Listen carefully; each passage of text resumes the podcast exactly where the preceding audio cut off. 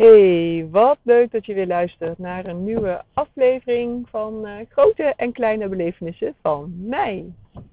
En uh, ik merk dat ik eigenlijk nog niet zo heel precies weet waar ik het over wil hebben, maar dat ik al een paar dagen met een soort van vaag idee zit van waar ik een aflevering over op wil nemen. Dus uh, een beetje spannend wat er allemaal komt. Maar we gaan het, we gaan het gewoon zien. En dat wat er dus al een paar dagen in mij omgaat, dat heeft te maken met, uh, met energie. En met dat je alleen in een ander kunt activeren wat in jezelf geactiveerd is, wat in jezelf actief is. En laat ik beginnen met een concreet voorbeeld om dat uit te leggen. Want ik kan me zo voorstellen dat dat uh, op het eerste gezicht misschien een beetje vaag klinkt. En uh, een hele tijd terug alweer was ik in gesprek met, uh, met een heel dierbaar vriendinnetje van mij. En uh, zij vertelde mij over, ja, over dingen waar zij mee worstelde. En um, ik voelde heel sterk bij haar dat. Um, nou ja, oh nee, ja, ik moet even goed vertellen hoor waar ze heel erg mee worstelde. En uh, zij vertelde dat ze dus daarvoor in therapie was gegaan. En um, ja, dat zij uh, eigenlijk heel erg in haar hoofd bleef hangen daarmee. En dat de therapeut haar wel aangaf van uh, ja, maar hoe voelt het dan? Um, en dat, dat zij dan zei van nou ja, ik heb het gevoeld en verder. Een beetje zo. En ik kreeg heel sterk het gevoel van, uh, van, weet je, als je wil voelen, dan moet je in je lichaam komen. Dan moet je uit je hoofd komen en in je lichaam zakken, als het ware. Dus ik vroeg haar op een gegeven moment heb je ook al ooit aan uh, bijvoorbeeld lichaamsgerichte therapie gedacht? En daarop gaf zij aan van, uh, dat ze daar wel over gedacht had, maar dat ze dat niet wilde, uh, omdat dat eigenlijk te ver uit haar comfortzone was. En dat ze zich zo kwetsbaar voelde met uh, waar ze mee worstelt, dat ze dat eigenlijk vanuit het vertrouwde van haar hoofd en haar denken, vanuit die weg wilde benaderen. En na afloop van dat gesprek was ik daarover verder aan het denken van, goh, wat, wat gebeurt hier nu eigenlijk? Wat is hier nu aan de hand? En toen realiseerde ik mij dat, uh, dat wat er aan de hand is, dat ze dat eigenlijk al heel mooi zelf verwoord heeft. Dat zij aangeeft van ik wil eigenlijk niet mijn lichaam in, want dat voelt veel te kwetsbaar. Uh, dus ik wil het vanuit de veiligheid van mijn hoofd benaderen. En dat ze als gevolg daarvan iemand heeft aangetrokken die uh, haar precies dat biedt namelijk de benadering vanuit haar hoofd. En die therapeut waar ze kwam, die probeerde natuurlijk wel om haar naar haar gevoel te brengen. Alleen, nou ja, beklijfde dat niet echt. Uh, dus toen ik daar verder over nadacht, toen realiseerde ik me van ja, je kunt alleen iets in een ander activeren als dat in jezelf actief is. En daarmee bedoel ik dus dat je in het geval van, uh, van deze vriendin dat je alleen maar het gevoel in een ander kunt activeren op het moment dat je zelf ook doorvoeld bent. Dus als je zelf niet in contact staat met je lijf, met je lichaam, met je gevoel, op het moment dat je zelf niet goed geaard bent, dan kun je alle juiste dingen zeggen, maar dan kun je dat niet op energetisch niveau in de ander uh, activeren. En daarop voortbedurend was ik op een ander moment heel veel aan het nadenken over hoe het nou allemaal zit in mijn beleving. En ik hoop overigens dat ik nog goed te verstaan ben, want het regent inmiddels echt ontzettend hard en ik zit in de auto. Maar goed, vervolgens was ik een keer aan het nadenken van oké, hoe, hoe gaat dat nou in te werk met, uh, met religies, met geloof, en, um, en vervolgens de, de institutionalisering van die religies.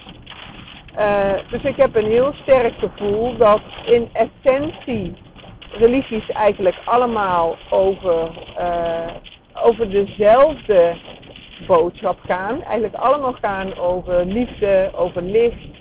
Ehm, en dat er verschillende talen zijn, ehm, verschillende verhalen zijn om die boodschap over te brengen.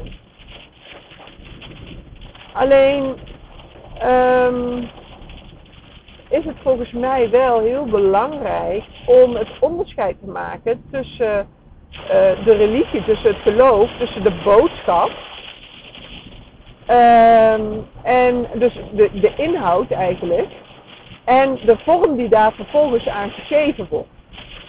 En de, de boodschap kan licht en liefde zijn en de vorm is dan bijvoorbeeld bidden of het uh, lezen van de Bijbel of um, uh, uh, buigingen doen of de kerk bezoeken of de moskee bezoeken of nou ja, welke vormen er dan ook allemaal zijn.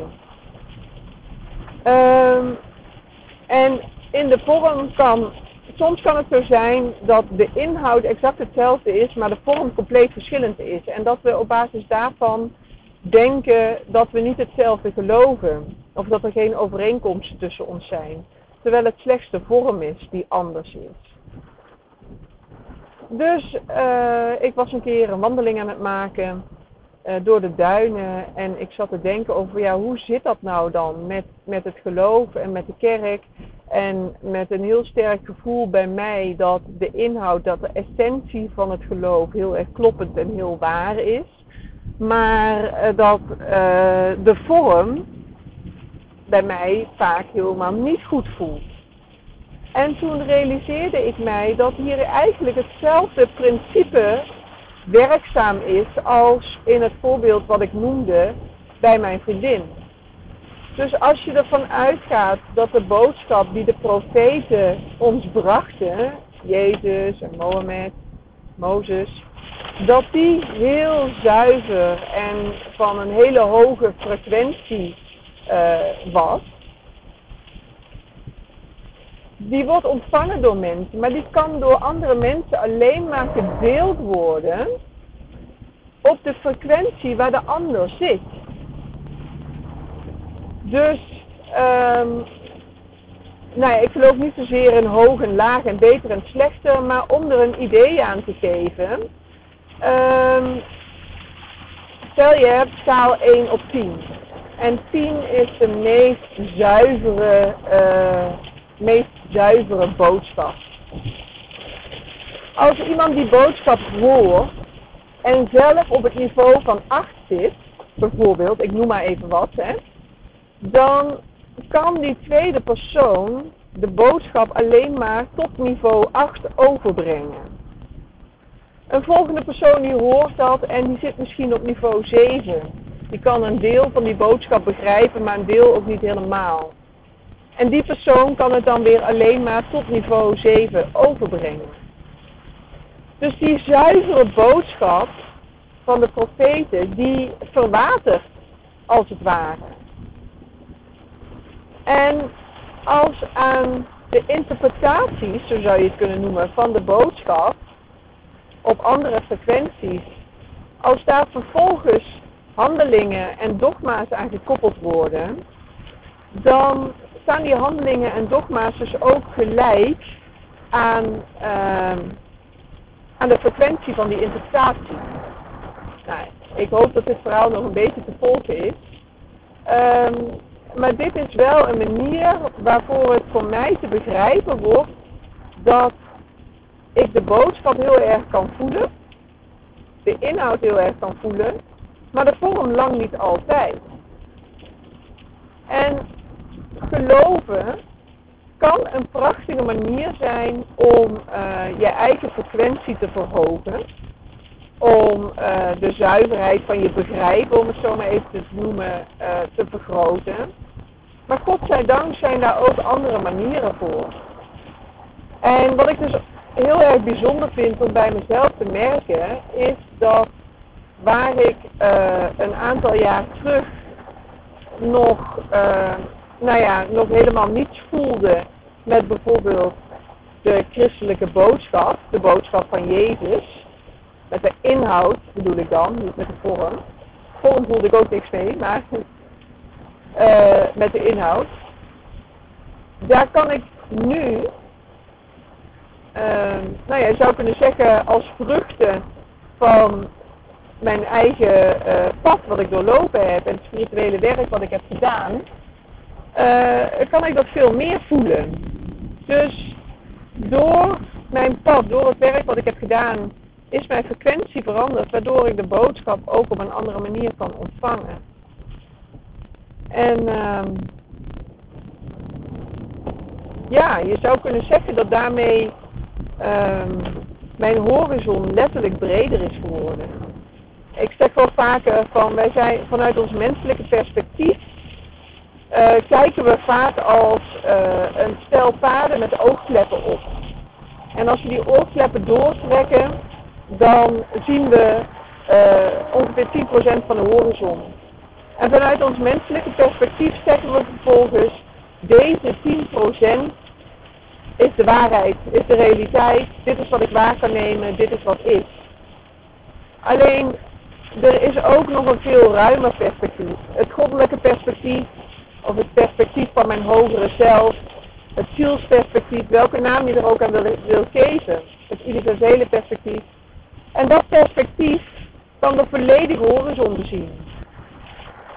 En die volledige horizon die laat een ander plaatje zien dan alleen maar die 10, die, die 10 centimeter die we vanuit ons puur menselijke mindperspectief kunnen zien.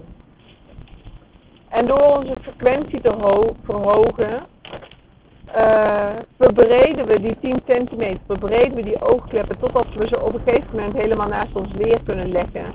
En we de wereld kunnen bezien vanuit dat brede zielsperspectief. Vanuit het goddelijke. En uh, als dat ons lukt, dan kunnen we uh, de woorden van de profeten begrijpen uh, met de boodschap en de waarde die, die daadwerkelijk bedoeld werd.